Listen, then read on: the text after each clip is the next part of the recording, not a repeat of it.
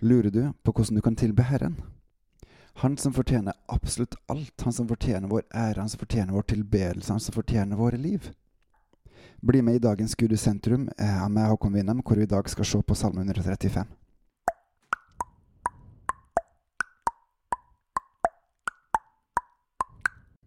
Halleluja, pris Herrens navn, syng lovsang, dere Herrens tjenere, dere som står i Herrens hus og i forgårdene til vår Guds hus. Vi er skapt for å prise Herren. Det er vårt eget valg om vi vil følge Han eller ikke, men vi er skapt for å prise Herren. Og Guds største lengsel er at vi skal elske Han tilbake, fordi Han elsker oss først, og fortsatt elsker oss. Å tilbe Herren er å elske Han tilbake, i ånd og sannhet, både gjennom en direkte relasjon og ved å følge Hans ord. Og i Salme 135 så finner vi en, en av flere former for, for, tilbedelse. For her så takker man Gud og priser Han for den Han er, og også det Han gjør for sine, for sitt folk. Husk på at salmene er skrevet i Gamle testamentet, altså under den gamle pakten, men allikevel så har de en betydning for oss under den nye pakten, gjennom Jesus. Han som også var med helt fra skapelsen av. Han som var til før skapelsen av. I Salme 135 står det Halleluja, som betyr pris Herren. Pris Herrens navn, syng lovsang, deres Herrens tjenere, og dere som står i Herrens hus, i forgården til vår Guds hus, altså alle de som oppsøker Herren. Pris Herren, for Herren er god, lovsyng Hans navn, for det er herlig. For Herren har utvalgt Jakob, det vil altså, altså si jødefolkene, i israelsfolket. Han har gjort Israel til sin eiendom. Jeg veit at Herren er stor, vår Herre er større enn alle guder. Herren gjør alt det han vil, i himmelen og på jorda, i havet og i alle dyp. Han lar regnskya stige opp fra jordens ende, han sender lyn med regnet, han fører vind ut av sine forrådshus. Gud styrer naturen, hvis noen lurte på det. Han har satt i en naturlig orden, men han kan også gripe inn og gjøre om på det, spesifikt her og der. Han slo de førstefødte i Egypt, både mennesker og fe. Legg også merke til Gud straffer de som er urettferdige, ulydige, eller de som ødelegger, de som gjør Gud imot. De straffer Gud. Enten ved dommens dag, eller mens vi lever her på jorda.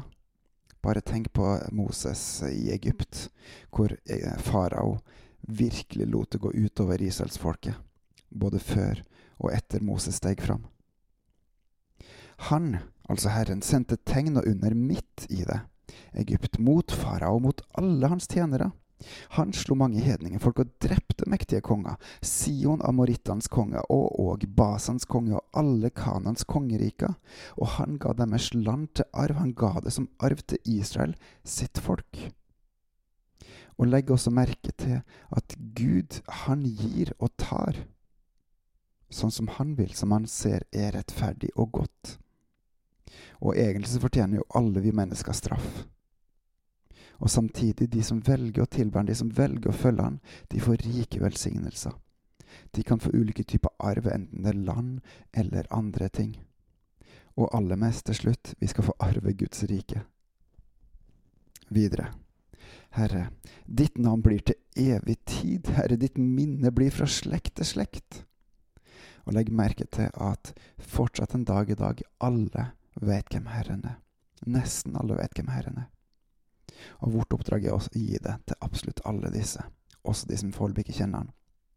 Men Herren er så mektig, Herren er så sterkt til stede, at vi fortsatt i dag feirer og kjenner Herren. For Herren skal dømme sitt folk, han skal miskunne seg over sine tjenere. Og igjen, vi som er hans folk, vi skal få hans nåde. Han skal vise miskunn mot oss. Han elsker oss, og fordi vi elsker tilbake, så tar han seg av oss. Vi fortjener straff når vi vender oss vekk fra han, når vi gjør det onde. Og samtidig så kan vi gå til Han og få tilgivelse og få nåde og få lov til å stige framfor Han etter at vi har rensa oss. Hedningenes gudebilde er sølv og gull, et verk av menneskers kjenner. De har munn, men taler ikke, de har øyne, men ser ikke, de har ører, men hører ikke, og det er ikke ånde i deres munn. alle andre guder er falske. De er ikke ekte. De er rett og slett bare lagde av mennesker og er menneskeguder. Så alle form for guder eller ideologier eller system eller hva det er for noe, det er avguder hvis vi tilber dem, hvis vi setter dem først foran Gud. Som de sjøl er, slik blir også dem som lager dem, hver den som setter sin lit til dem. Ikke sett lit til noe her på jorda. Sett din lit til Herren. Da tilber du Han.